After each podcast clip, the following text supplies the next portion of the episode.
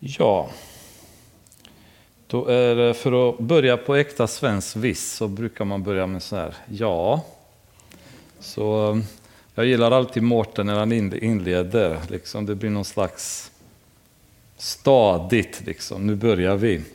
Men äh, jättekul, det här har jag längtat efter hela sommaren kan jag säga. Det känns äh, eh, främmande att inte kunna ha söndagskvälls bibelstudierna.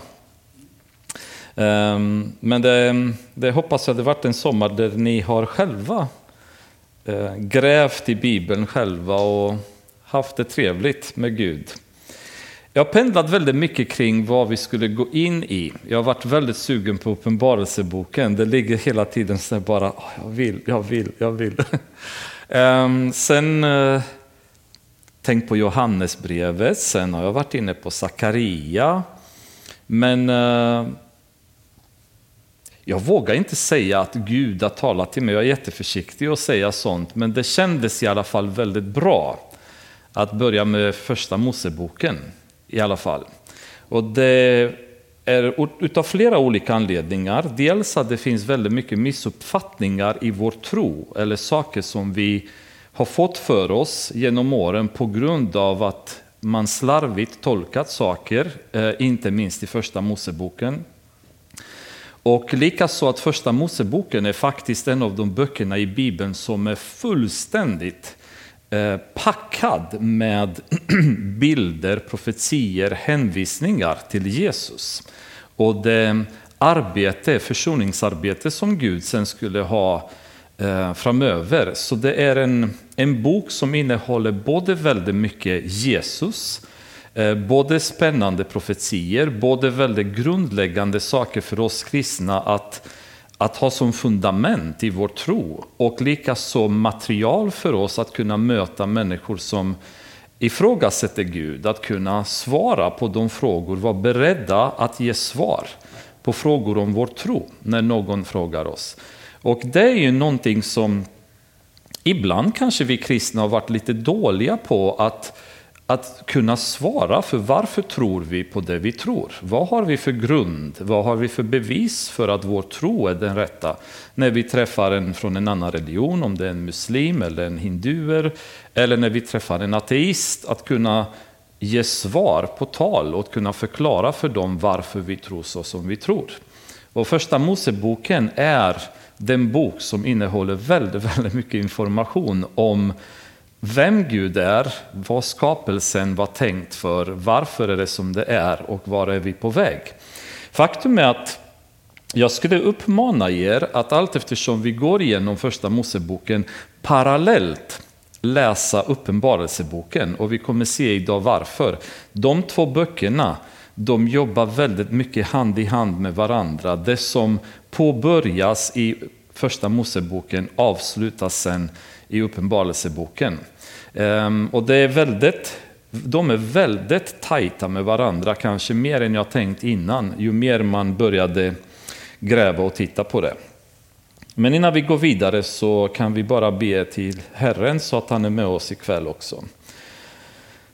Käre Fader, vi kommer som vanligt inför dig och ber om din vägledning, ber om att du ska tala till oss så att din röst hörs och inte min röst. Inte heller de röster som finns i våra huvuden som har hamnat där och som stör, som har skapat en brus av desinformation och felaktigheter och villoläror. Jag ber i Jesu namn, Herre, att du ska tömma vårt kinne från allt sånt som inte tillhör dig och bara låta din heliga Ande tala till oss i den här underbara rösten som han alltid har.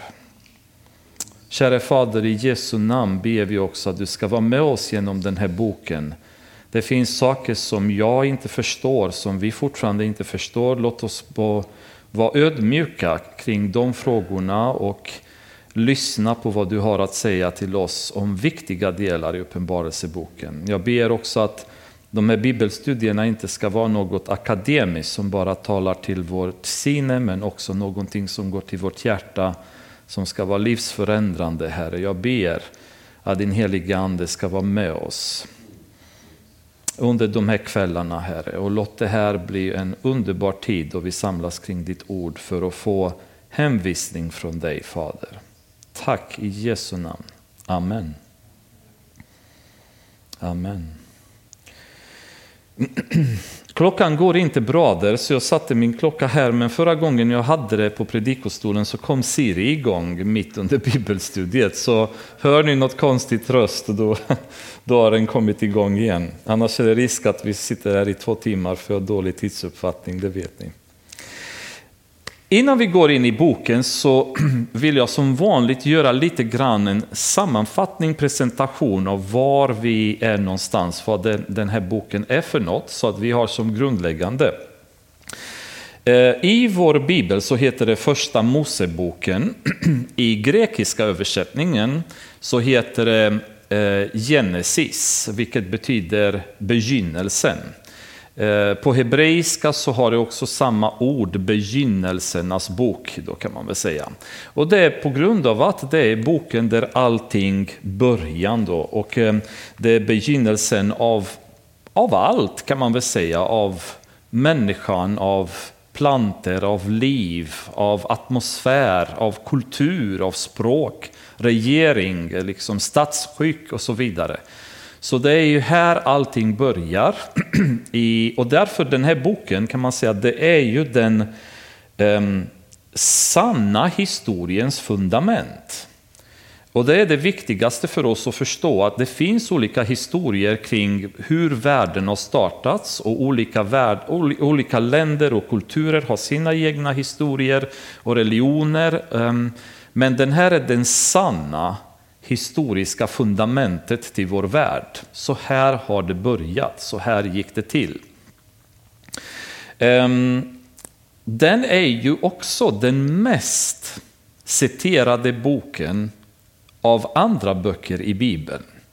Så att det är väldigt mycket information i första Moseboken som sen citeras vidare utav andra böcker. Och de första elva kapitlen, vilket är ju kan man säga den Eh, den tidiga skapelseprocessen eller, eller tidiga historien um, innan Noas flod kan man väl säga. Eh, de första elva kapitlarna är eh, extremt mycket citerade även i, gamla, i Nya Testamentet. Faktum är att varje författare i Nya Testamentet citerar någon gång någonting från de här elva kapitlen. Och Jesus själv Jo, gör specifika referenser till varje kapitel av de första sju kapitlen. Så det är grunden som används sen även av apostlarna, utav Jesus själv, för att kunna eh, förklara för oss saker, så går de tillbaka till Moseboken, första Moseboken och därifrån plockar fram information. Den här boken tillhör de eh, böcker som kallas på grekiska Pentateuk. Och det betyder att det är fem böcker, eller som eh, judarna kallade det Torah. Det är Mose, Moseböckerna och det är första Moseboken, andra, tredje, fjärde, femte. Så det tillhör judarnas allra viktigaste skrift. Då. Um, vilket förstås leder in, på, leder in oss på vem är det som har skrivit boken. Och här är ju en sån här grej där vetenskapsmännen tycker om att debattera med varandra. Men för oftast är det bästa när vi har oklarheter, om möjligt att se om Bibeln ger oss svaret så att vi slipper behöva gå i polemik om saker som vi bara antar själva. Um, och det finns eh, några områden där Bibeln faktiskt ger svar på vem som har skrivit den här boken. Den första så kan vi gå till andra Petrusbrevet, första kapitlet. Och så tar vi vers 21.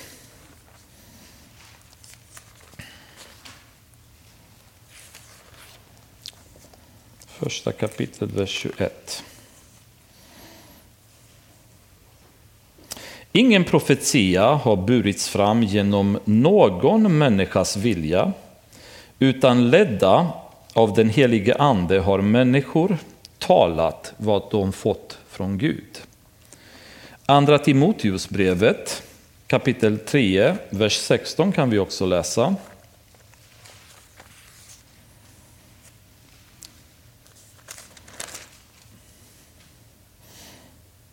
Hela skriften är utandad av Gud och nyttig till undervisning, till rättavisning, upprättelse och fostran i rättfärdighet, så Guds människan blir fullt färdig, väl rustad för varje god gärning. Så det finns ingen tvekan om att den som, som var skaparen, den som utandade den här boken, den som inspirerade den här boken, är ingen annan än Gud själv. Eh, eftersom Jesus själv citerar från första Moseboken så betyder det att Jesus själv accepterar den här boken att vara en Guds auktoritet. Så när någon ifrågasätter huruvida första Moseboken är utandad av Gud eller inte, har Gud bakom sig eller inte, så är svaret väldigt enkelt ja, det har den, därför att Jesus själv har accepterat detta, har citerat den här boken, vilket han aldrig skulle ha gjort annars. Så vi har hans garanti på att den här boken har Gud som den som har utandat, som inspirerat den här boken. Men då är det nästa fråga, vem är det som har stått med pennan i handen eller med, med stenen och karvat kuneiformiska bokstäver eller hebreiska bokstäver? Det är det vi inte riktigt vet hur den här boken har skrivits på. Och... Eh, om ni kommer ihåg, när Jesus återuppstod så var han på väg till Emmaus, där han träffade två av lärjungarna som var ledsna och pratade med varandra. Och Jesus började diskutera med dem. Och ehm, eh, efter han är färdig med dem, då, så går, eller han går hem med dem, han äter med dem och så vet efter han bröt brödet så försvann han.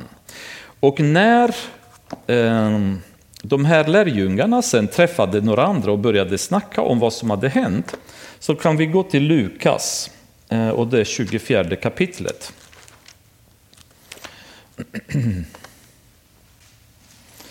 Tjugofjärde kapitlet, först vers 27.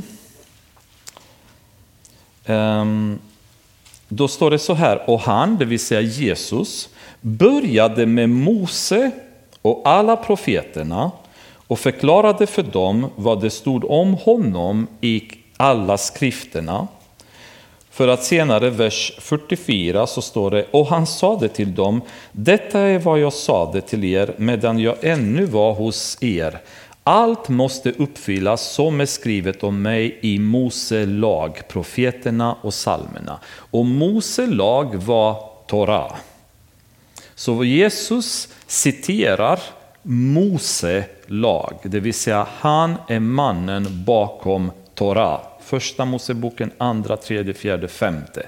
Och här har vi Jesus som eh, får fram detta tydligt, så det finns ingen, ingen tveksamhet för oss vem som har skrivit den här boken. När vi går igenom boken då ser vi att det beskrivs händelser som inträffade mycket, mycket tidigare än den tid då Mose de facto levde. Men han beskriver saker väldigt klart, väldigt detaljerat, till och med väldigt tydligt. Och då är det frågan, hur visste Mose ett antal tusentals år senare så detaljerat vad som hade hänt? Och där är ju vetenskapsmännen lite, eller kristna vetenskapsmännen lite debatterande. Eh, vissa säger att det fanns en en, eh, en oral tradition, det vill säga berättelser hade framförts vidare genom generationer. Mose antecknade ner dem och skrev första Moseboken. Andra är av den åsikt att det har funnits anteckningar, texter som hade lämnats och som Mose sen sammanfattade under heliga andens ledning och satte ihop första Moseboken. Och det finns de som säger att Mose är ju den man som vi vet, Gud själv säger att han talade med Mose ansikte mot ansikte. Det är fullt möjligt att Gud själv hade gått igenom berättelsen som Mose sedan har antecknat och skrivit ner för oss. Och vi kan spekulera väldigt mycket och det finns ju väldigt många argument pro och kontra varför och hur det gick till. Um, svaret är vi vet inte hur det gick till, men vi vet att det är utandat av Gud. Det är garanterat av Jesus och bekräftat av Jesus att det är skrivet om Mose. Så för mig försvinner sen intresset kring de små detaljerna, hur och vem och varför. Jag är inte intresserad längre om jag ska vara ärlig. Jag har tillräckligt eh, på benen, kött på benen för att veta att det här är en bok som vi ska ta på allvar. Och eh, vi kan med all, all sannolikhet och säkerhet säga att det är skrivet utav Mose och utandad utav helig ande. Det kan vi vara säkra på och det är tillräckligt vi behöver veta. Men jag sa att eh, första Moseboken och Uppenbarelseboken de går väldigt mycket hand i hand och jag kommer gå väldigt fort igenom eh, ett antal sådana ställen där de två böckerna är väldigt knutna till varandra. Um, I första Moseboken kapitel 1, vers 4 så ser vi att det görs en delning mellan mörker och ljus. Medan i Uppenbarelseboken kapitel 26, vers 25, då plötsligt ser vi att det finns inget mer mörker. Det finns en delning mellan land och hav i kapitel 1, vers 10. Kapitel 21, vers 1 i Uppenbarelseboken, det står det finns inget mer hav. Skapandet av sol och måne har vi i kapitel 1, eh, första Moseboken, vers 16. Inget behov av sol och måne i Uppenbarelseboken kapitel 21, vers 3. Människan i lustgården kapitel 2, eh, vers 8 och 9 i första Moseboken. Människan i staden i kapitel 21, vers 2 i Uppenbarelseboken. En flod som flödar ur Eden, kapitel 2, vers 10. Flod som flödar från Guds tron i Uppenbarelseboken 22, 1. Guld i landet i kapitel 2, vers 12. Guld i staden i kapitel 21, vers 21, Uppenbarelseboken. Livets träd, och det här kommer vi stanna lite till när vi kommer där. Livets träd i Edens mitt i kapitel 2, vers 9. Livets träd i staden i Uppenbarelseboken kapitel 22, vers 2. Och inför kanske de andra bibelstudierna så ska jag nog säga, tänk lite grann på detta. Livets träd som är i Eden i första Moseboken, men i den upphöjda staden i himlen i kapitel 22 i Uppenbarelseboken. Vad kan ha hänt däremellan? Låt det smälta och kanske gärna gräv lite i det, för det blir lite kul när vi kommer dit. Ehm, det pratas om eh, ädelstenar, bdellium och onyx i kapitel 2, vers 12. Olika ädelstenar i kapitel 21, eh, Uppenbarelseboken 19. Så det finns väldigt mycket. Det börjar här, det slutar där. Eh, en bild här, liknande bild där, fast i ett annat sammanhang. Så det är ju här påbörjas det och där avslutas det. Och det finns väldigt mycket liknelser böckerna emellan. Ehm, ännu mer intressant blir det när man tittar på skillnaden mellan världen under syndens förbannelse och den eviga världen som Uppenbarelseboken beskriver. I kapitel 3, vers 17, första Moseboken, är jorden förbannad. I kapitel 22, vers 3, Uppenbarelseboken, ingen mer förbannelse. Kapitel 3, vers 17, daglig sorg för människan. Kapitel 21, vers 4, ingen mer sorg för människan. Törnar och tistlar, kapitel 3, vers 18, ingen mer smärta, kapitel 21, vers 4 i Uppenbarelseboken. Svett i ansiktet, anletesvett ska du förtjäna ditt uppehälle. kapitel 3, vers 19, inga mer tårar kapitel 21, vers 4, Uppenbarelseboken. Ät av markens örter, kapitel 3, vers 18. 12 olika frukter att äta av i kapitel 22, vers 2. Återvända till jorden, alltså dö och återvända till jorden. Ingen mer död i Uppenbarelseboken. Permanent ondska, kapitel 3, vers 19. Inget mer orent, kapitel 21, vers 27. Människan går i skinnkläder som Gud tillverkar åt dem i kapitel 3, vers 21, kapitel 19, vers 14, vit rent linne, Uppenbarelseboken.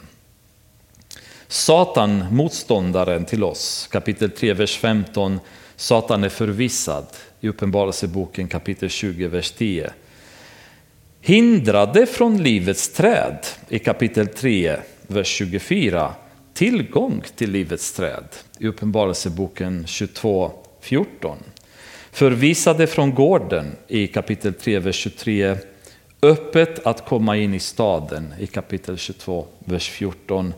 Frälsaren utlovad i kapitel 3, vers 15. Frälsning uppnådd kapitel 5, vers 9 och 10 Uppenbarelseboken. Ganska häftigt när man ser hur allting har påbörjat och hur allting kommer sluta. Någon beskrev att eh, första Moseboken, speciellt med kapitel 3, när människan faller i synd. Därefter till Uppenbarelseboken så har vi människor kravlat oss genom livet. Genom törnar, genom tistlar, genom sorg, genom hunger, genom död, genom lidande och har kravlat oss fram för att uppnå det som äntligen Uppenbarelseboken utlovar oss att vi kommer att få. Och det är ju en lång tid och Jesus säger att det är en tid av mycket möda. Han kallat oss inte till ett, ett eh, happy life, till en dans på rosor, utan han har kallat oss till att leva ett hårt liv. Paulus berättar att han, han eh, att, att de lever genom att, um, vad är ordet på svenska, groaning på engelska, alltså man, ah, ungefär sådär, man, bara man kämpar igenom. Det är jobbigt, det är tufft. Ganska olika jämfört med modern kristendom som är lätt, smidigt, vi lever i seger, vi har det bra, vi är friska, vi är rika, inga problem det finns inte den beskrivningen, utan beskrivningen är att det kommer bli fruktansvärt tufft. Genom anletets svett ska ni förtjäna ert uppehälle. Genom att, att ha smärta kommer kvinnan föda barn. Tistlar och törnar kommer sprida sig och ni kommer behöva bekämpa dem för att kunna odla saker, för att kunna äta, för att kunna leva. Allting kommer kräva ansträngning, jobb, slit. Och detta tillsammans med närvaro och permanent kamp mot synden. För att äntligen sen komma till Uppenbarelseboken när allting för alltid kommer bli utraderat. Fantastisk resa som människan kommer påbörja nu och behöver komma att ta under en lång tid framöver. Ehm, det finns två kategorier människor kan man säga i världen. Och det är de som tror att världen har skapats utav någon, en skapare. Och någon, de som tror att världen har uppstått av sig själv. I grunden. Sen finns det olika religioner och vem skaparen, skaparen är och hur skaparen definieras ehm, kan man ha synpunkter men den, värst, den första kategorin betraktas ofta som religiösa människor. De som tror på att en skapare har skapat allt. Och där är kristendomen i huvudsak den största religionen i världen. Då. Ehm, de som säger att allting har kommit av sig själv betraktas som vetenskapsmän.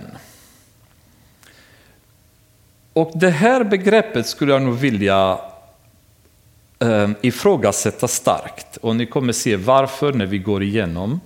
Därför att jag anser starkt att, att det här är religion. Och det, är, det, det, har inte med vetenskap att göra, utan det här är en religiös övertygelse helt enkelt. Att världen har uppstått av sig själv. Um, Första Moseboken är en bok som är mer vetenskapligt grundad än det vi lär oss i skolan eller det vi läser i vetenskapliga böcker. Och innan vi går in i första Moseboken så kommer jag bara stanna lite grann vid, vid de här teorierna och framförallt evolutionens teori. Man kan säga att i grunden, det evolutionen säger, det är att någon gång någonstans för många miljarder år sedan. Och hur många miljarder år sedan varierar beroende på vem man pratar med eller vilken tidsperiod man pratar med dem.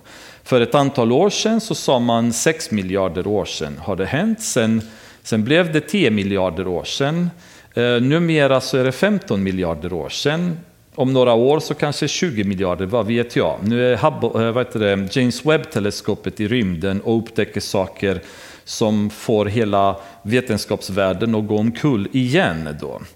Ehm, så egentligen så har de ingen aning när, men någon gång för, för väldigt, väldigt länge sedan kan vi säga då för att ge dem någon slags eh, lätt förklaring. För redan där om vi börjar tränga dem så står de och börjar bli skakiga för de har ingen aning när det har hänt egentligen.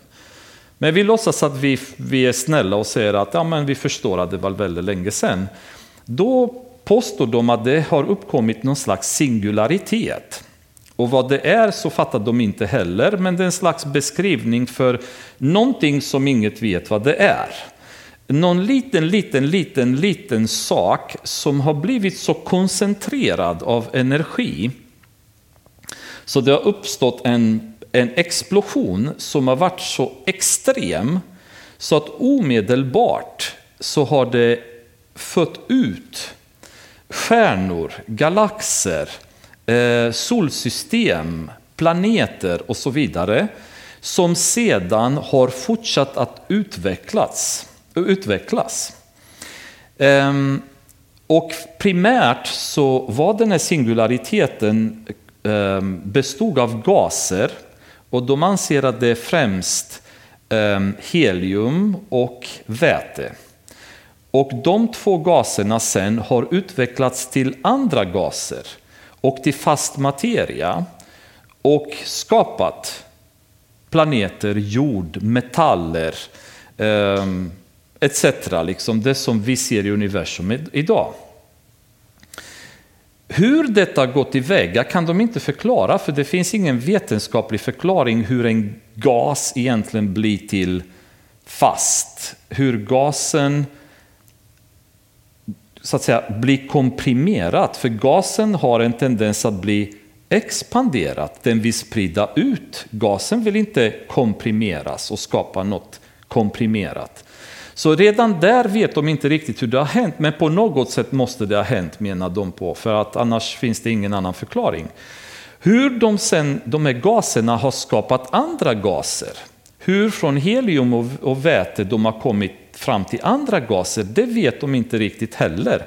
Men eftersom det har hänt för så länge sedan så, så var det fullt möjligt för 15 miljarder år sedan. Idag kan vi inte upprepa de processerna. Men vad vet vi? Hur var världen då? Det var kanske något annat menar de på. Så det som, inte, som är omöjligt idag kan ha varit möjligt då.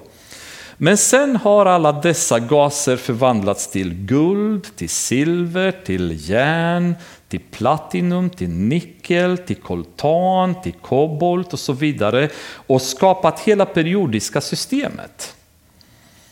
Och på så vis så började så småningom saker hända och någonstans ifrån så kom gaserna ihop, det blev vatten. Och när det kom droppar vatten på den här planeten som heter jord, som ligger där det ligger, så råkade hända massa processer som gjorde att liv uppkom. Och hur livet uppkom ur, ur materia som var dött, det vet man inte heller, men på något sätt måste det ha hänt någon slags mutation med dem på, mo, på molekylnivå eller atomnivå någonstans så att det, gjort, det har blivit liv utav det.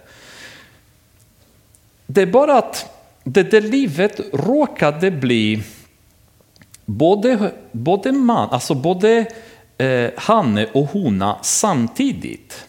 för att sen kunna det livet para sig med varandra och upp, uppkomma i amöbor eller fiskar eller vad det var för groddjur som var först som uppkom. Som sen evolverade på grund av situationer runt om. Eh, kosmos, atmosfär, eh, utstrålning, vad som helst, you name it. Så har det börjat bli, så någonstans har man kommit fram till en apa eh, till slut då. Och den apan i sin tur sen har utvecklats till en människa och här är vi idag. Högsta intelligensen på jorden, så har vi kommit fram enligt evolutionisterna. Liksom. Så skillnaden mellan oss och evolutionisterna är faktiskt inte jättestor. Därför att de, de anser också att allting har kommit ur ingenting. Problemet är att det går inte att förklara vetenskapligt hur, hur någonting, hur materia har uppkommit ur ingenting. Det finns ingen vetenskaplig förklaring för hur materian kunde ha uppstått ur ingenting. Men då kan man säga, men vad säger vi kristna? För vi säger också att allting har uppkommit ur ingenting. Men skillnaden är att evolutionen säger att ingenting har agerat med ingenting och skapat någonting. Medan kristendomen säger en skapare som är allsmäktig har med kraften av sitt ord skapat någonting ur ingenting. Det är väl lite skillnad, eller hur? Istället för att säga ingenting har skapat någonting ur ingenting.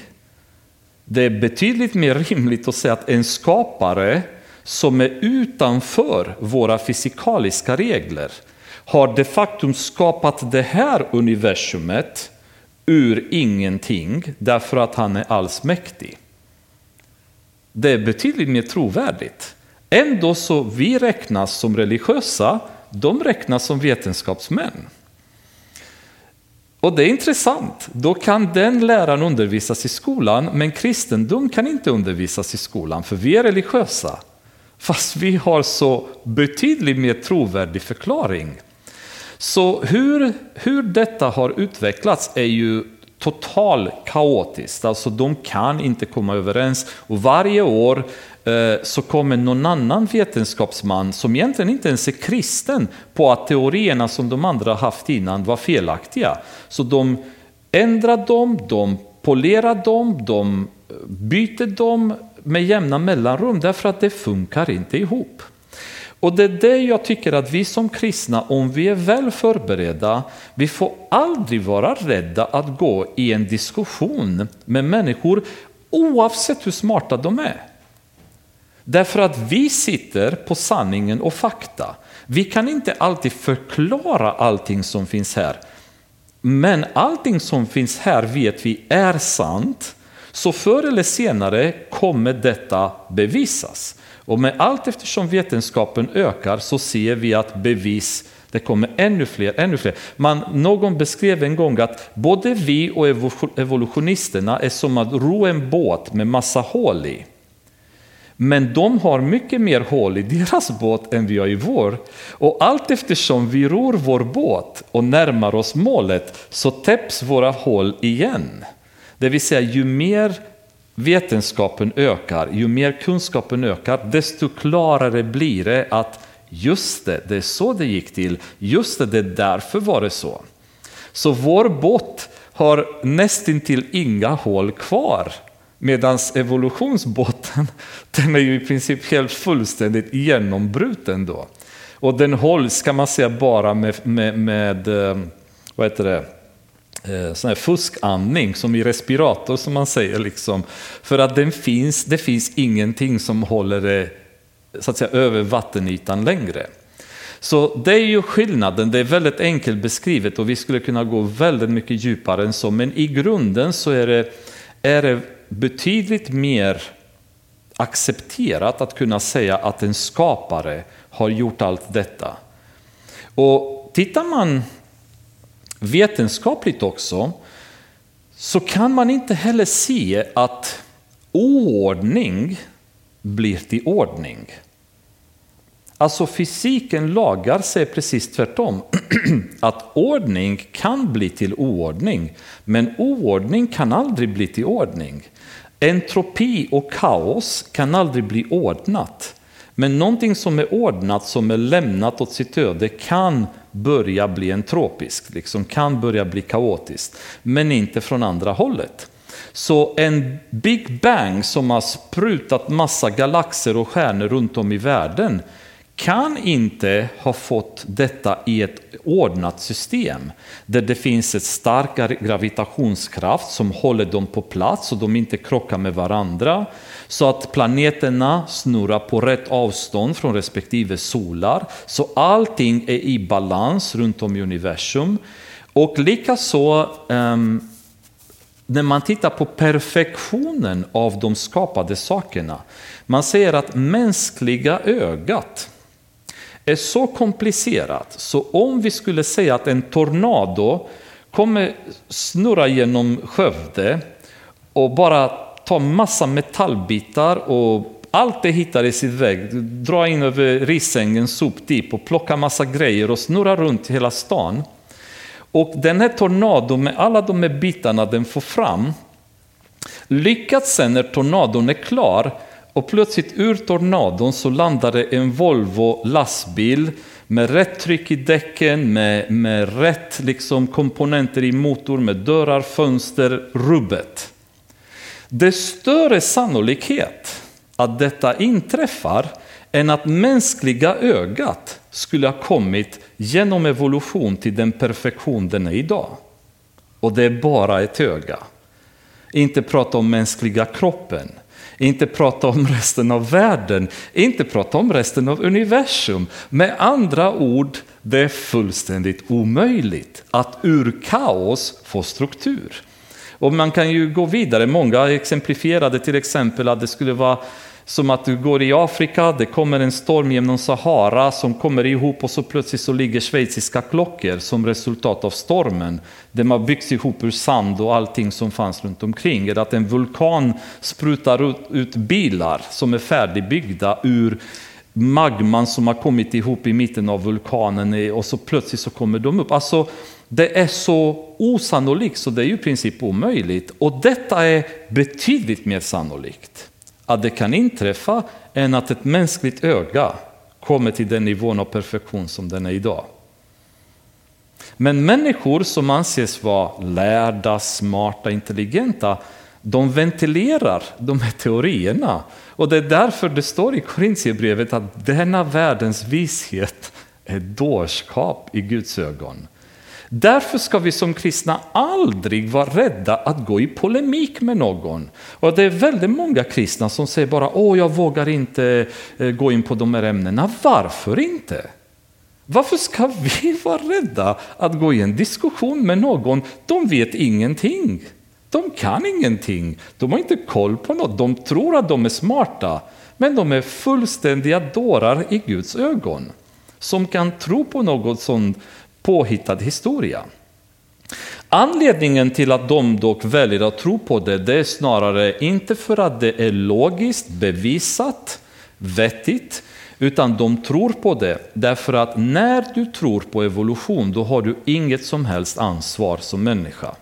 Jag kan leva mitt liv som jag vill.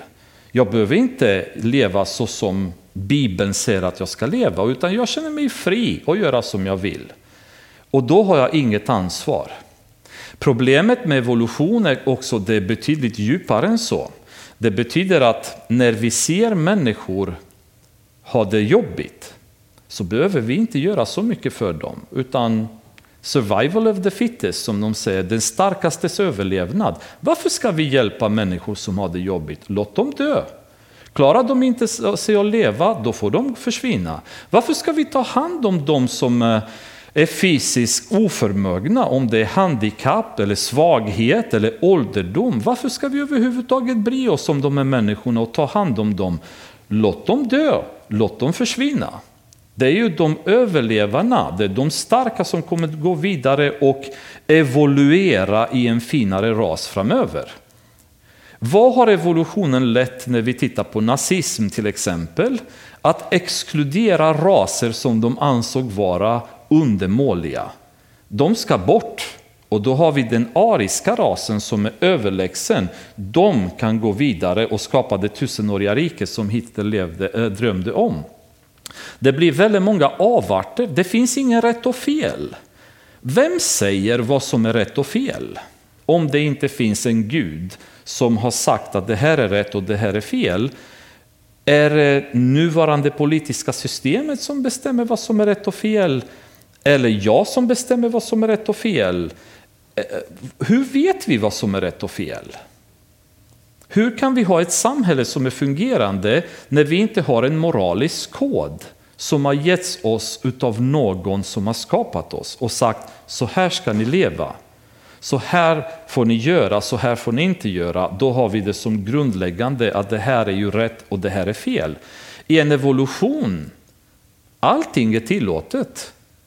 Det finns inget rätt och fel. Vi har ingen möjlighet att bedöma om någonting är rätt eller fel. Så det blir väldigt konstigt i det långa loppet som inte kommer gynna någon. Men det här är bara som en grundläggande del av vad vi kommer prata om då, bara så att vi har det som en bas. Vi kommer kanske titta tillbaka stundtals på det. Men jag vill ändå gå in lite snabbt på det första här.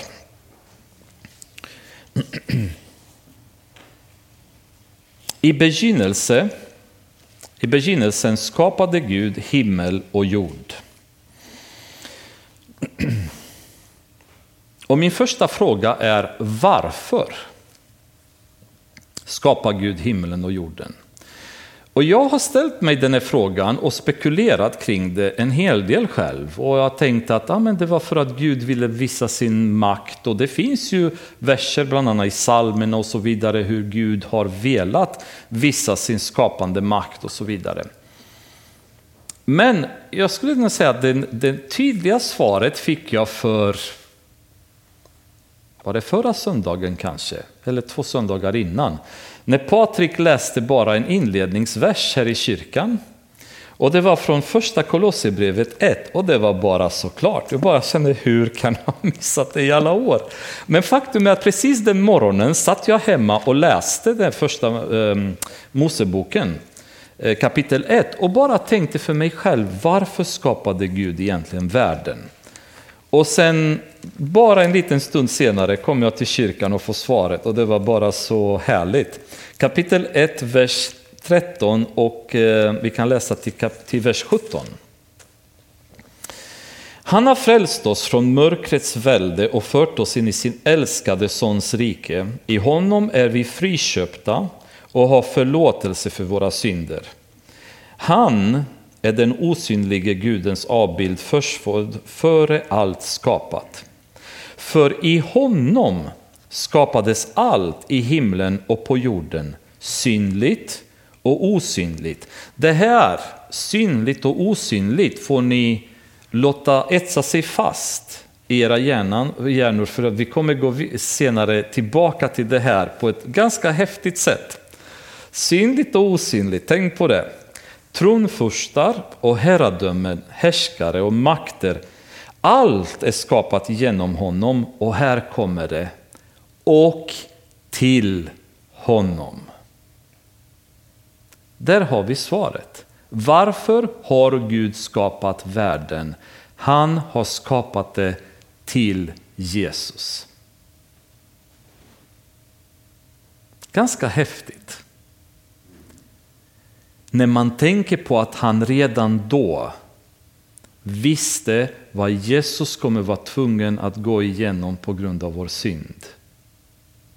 Gud visste det från början, ändå ansåg han det vara så värt att skapa detta för Jesus. Det är till honom allt är skapat. Vi har sedan Eh, satts ansvariga för jorden utav Gud. Men allt detta är skapat för Jesus. Genom Jesus, för Jesus. Han är till för allt och, allt hålls samman genom honom. Förstår ni nu varför saker och ting hänger ihop i universum? Varför gravitationens kraft inte är för stark för att planeterna och solsystemen ska rasa samman, utan tillräcklig balans mellan gravitation och kärnreaktioner som finns i olika stjärnor, nebuloser och så vidare. För att den här balansen ska hållas ihop är genom honom allting hålls ihop. Det är ingen som kan förklara hur atomerna kan hållas ihop när de är byggda av enheter som stöter eh, bort varandra. Hur kan de hållas ihop? Det är ingen som kan förklara ens idag. Vi har försökt att skapa fusionsreaktorer idag och vi lyckas inte det. Vem håller ihop allt detta i universum? Här har vi svaret. Han håller ihop allt. När han kommer släppa taget sen i Uppenbarelseboken, vad händer då? Allt, allt faller samman. Allt brinner och kollapsar när Gud inte håller ihop dem längre. Tro inte att det är vetenskap som håller ihop detta, det är Guds kraft. Det är därför folk kan inte fatta hur det här universumet fungerar. Det krockar med allt vi har lärt oss, vi tror vi vet. För alla missar det faktum att det är han som håller ihop allt. Det är Gud som håller det i hans hand. Det är så mäktigt, det är versen. Jag kände bara, hur har jag inte förstått det innan? Då? Det skulle man ha förstått. Men det är det roliga med Bibeln, man lär sig, alltså du, du upptäcker hela tiden skatter i det. Och han är huvudet för sin kropp, församlingen. Han är begynnelsen, den förstfödde från de döda för att han i allt skulle vara den främste. Och han är huvudet för församlingen. Det är ju underbart att veta att vi har ett sådant huvud.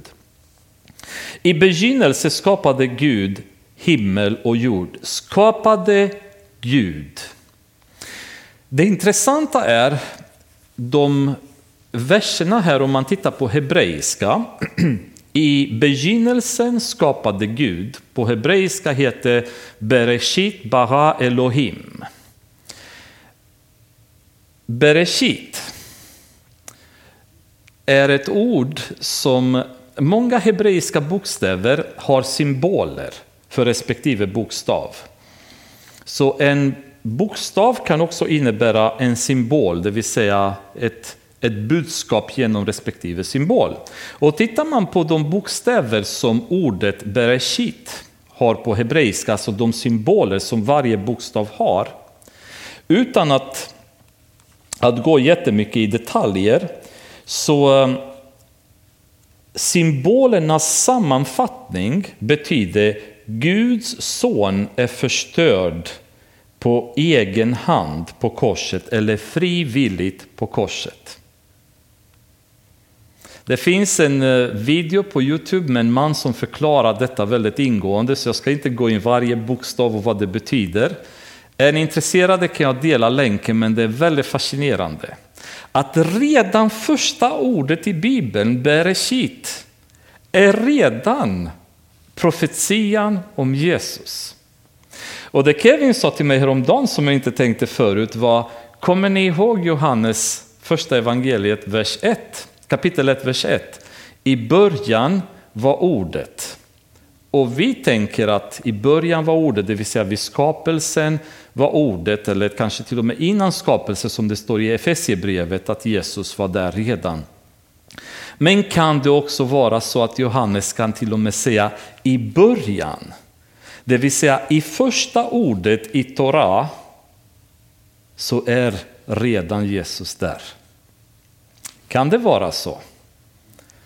Det är bara en tanke som eh, jag tror är mycket värt att, att, att ha i, i, i, oss, därför att inte ett enda ord i Bibeln är lagt där utav misstag.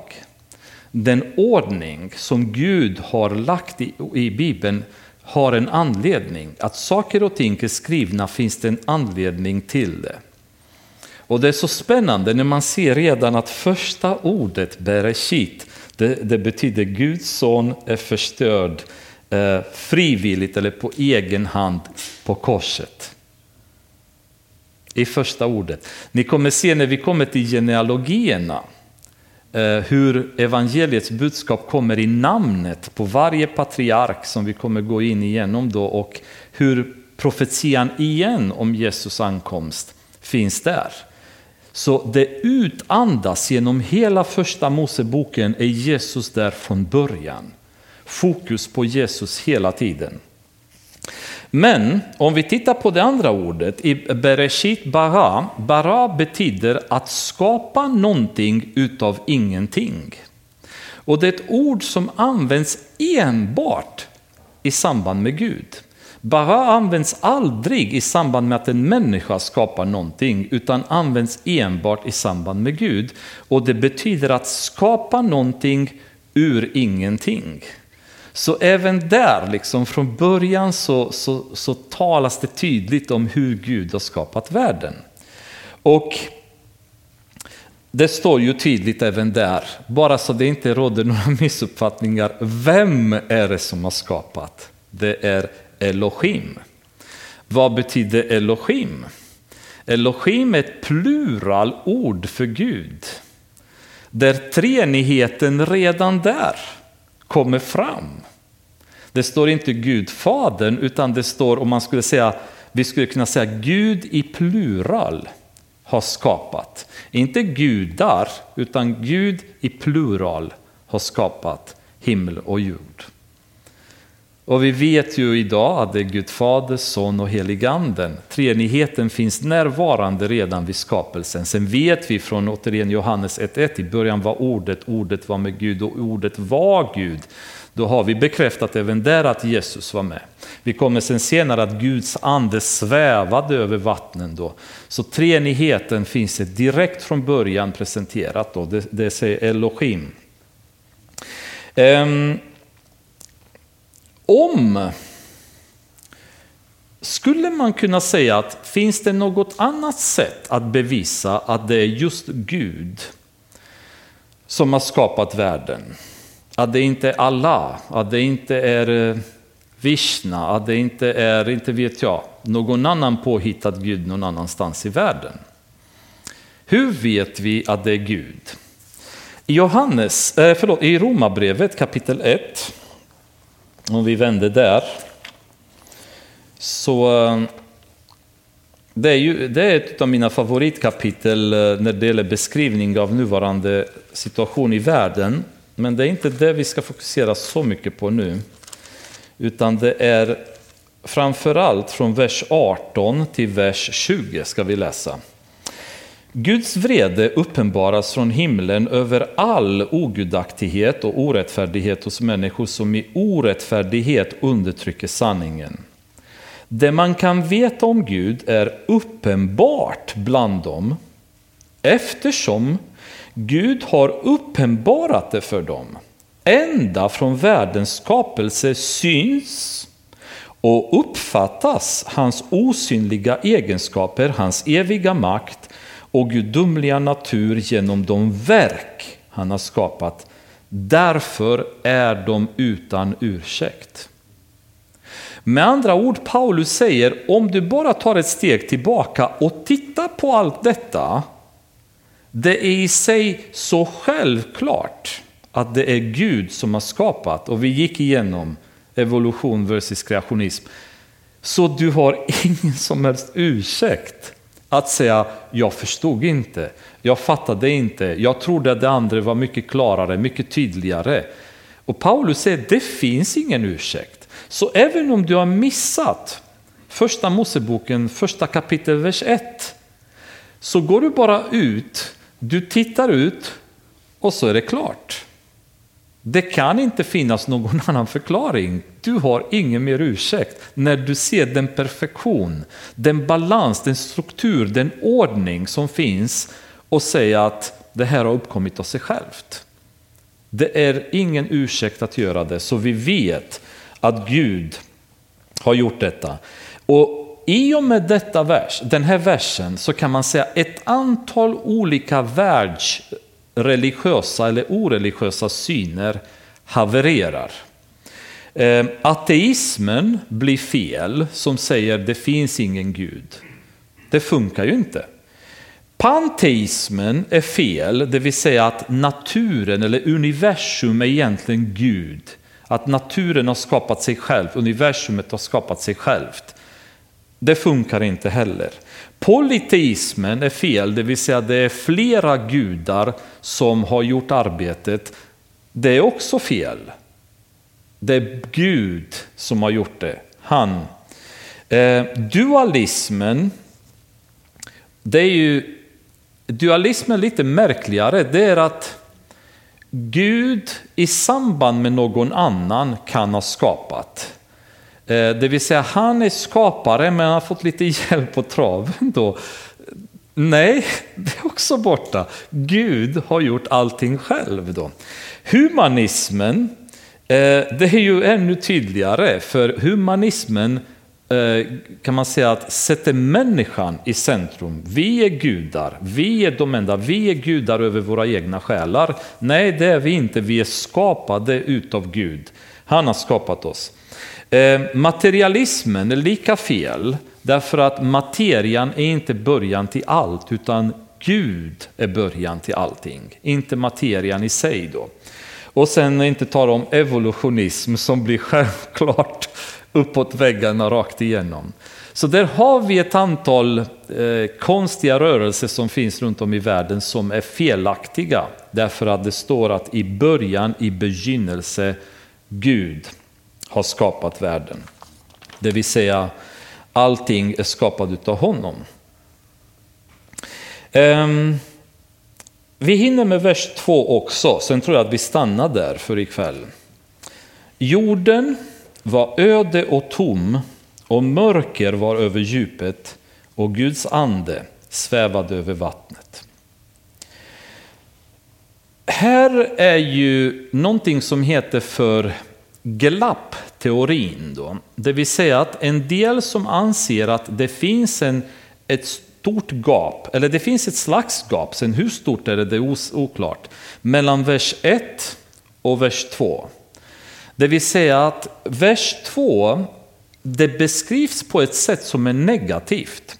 Eh, jorden var öde och tom, det är ett uttryck på hebreiska som heter tohu vabohu som är förknippad med något negativt, med kaos, med entropi, med något, i samband med, med liksom rörigt. Och vi vet ju att Gud skapar inte röra, han skapar inte oordning. Så många tror att Gud hade skapat himlen och jorden i vers 1. Men mellan vers 1 och vers 2 så har inträffat någonting som har gjort att jorden har blivit tohuvabohu, alltså rörigt, kaotiskt, öde, tom.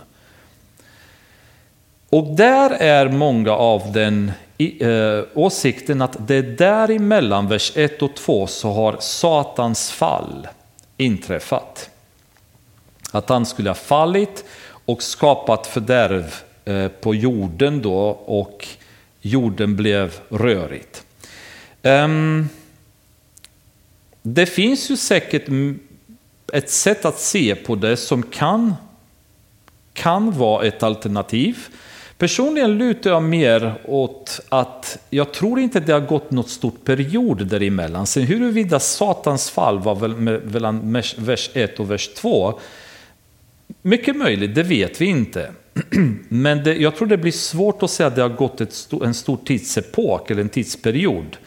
Utan om det har gått någonting emellan så har det varit fortfarande bara en dag. Jag tror inte att det, eller alltså det, det, det har pågått samma tid eller lika lång tid. Och det har inte varit miljarder år tidigare och sen plötsligt så har jorden blivit rörigt och sen kommer Gud och gör ordning på det. Jag, jag, tror det blir svårt att få det in i skapelseprocessen på det sättet, men jag låter det vara osagt. Jag ville bara presentera de två alternativen. För många ställer sig frågan, när har djävulen fallit? När har han haft sin tid då han gick i, eh, så att säga, i motstånd mot Gud och blivit bortkastad kan man säga från Guds närvaro? Svaret är vi vet inte. Jag vet inte om det spelar så mycket roll om jag ska vara ärlig. Men eh, man kan ju spekulera och fundera på, på det, men jag ville bara presentera, där är ju många som tror att det inträffade Satans fall Jag vet inte det. Ehm, jag kan se kanske potentiellt att det kunde ha varit så, men jag känner att jag har inget behov att veta. Jag, jag känner jag vill inte, jag, jag, jag, finner ingen glädje i att ägna för mycket tid åt Satan om jag ska vara riktigt ärlig. Så den punkten känner jag att det får några andra ägna sig åt. Då. Eh, jag är mer fokuserad på Jesus i de här sammanhangen. Men jorden var öde och tom och mörker var över djupet. Och här är också väldigt intressant. Mörker. Allting var mörkt. Och det var mörkt över djupet. Ordet djup i det här fallet symboliserar ab, ehm, um, abyss. Uh, eh, har vi det ordet på svenska? Nej. Vad skulle det vara, abyss? Det är som en... Uh, uh, ett stort svart hål. Ett, ja, har vi abyss? Det har vi. Ja, men då så. Då lyckades jag denna gång också. Det kan också betyda djup, djupa, mörka vatten. Liksom. Man kan översätta på olika sätt. Um, men det intressanta är lite grann bara ordet mörker här. Um, Hoshech är ett ord som används för mörker på hebreiska här och det är ett ord som beskriver ett mörker som penetrerar dig, alltså som du nästan kan ta på. Eh, en, en, en känn, ett, ett kännbart mörker då, på det sättet, så att ett djupt mörker. Samma ord, Hoshech, beskrivs när Mose går till farao och kräver att judarna ska släppas ur Egypten. Och när farao vägrar så straffas Egypten med mörker. Så att i tre dagar kunde folk inte ens kliva ur sängen för att det var så mörkt. Och då kan man ställa sig frågan, vad är problemet? För vi tänker mörkret att kanske solen inte lyste, det var solförmörkelse, det var utan någon anledning tre dagar var det bara natt.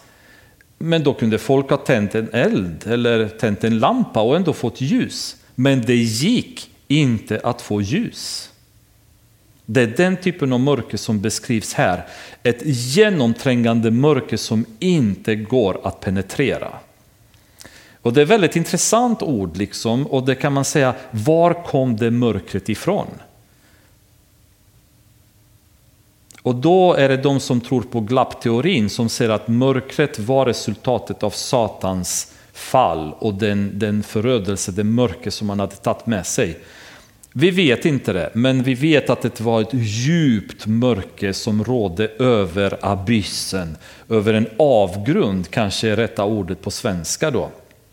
Där rådde mörker liksom.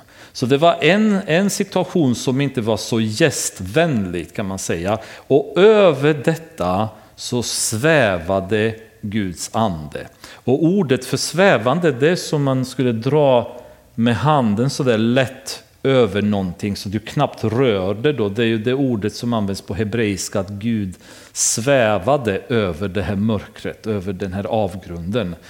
Eh, väldigt intressant beskrivning i alla fall och vad det menas med det, det vet vi inte.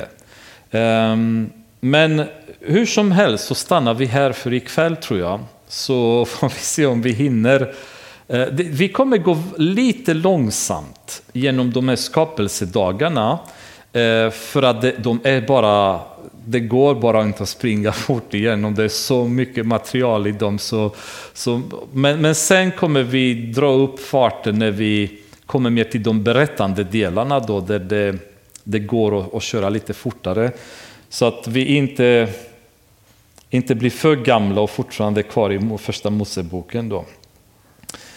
Eh, Fader, vi tackar dig för den här kvällen och jag ber att eh, du ska låta ditt ord bara tugga genom oss hela tiden.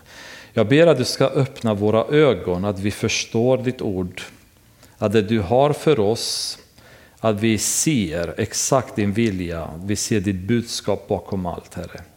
Jag ber att du ska fylla oss med kraft från din heliga Ande när vi möter människor som inte tror på dig, att vi ska kunna tala med dem, att vi ska kunna penetrera deras hjärta med ditt ord.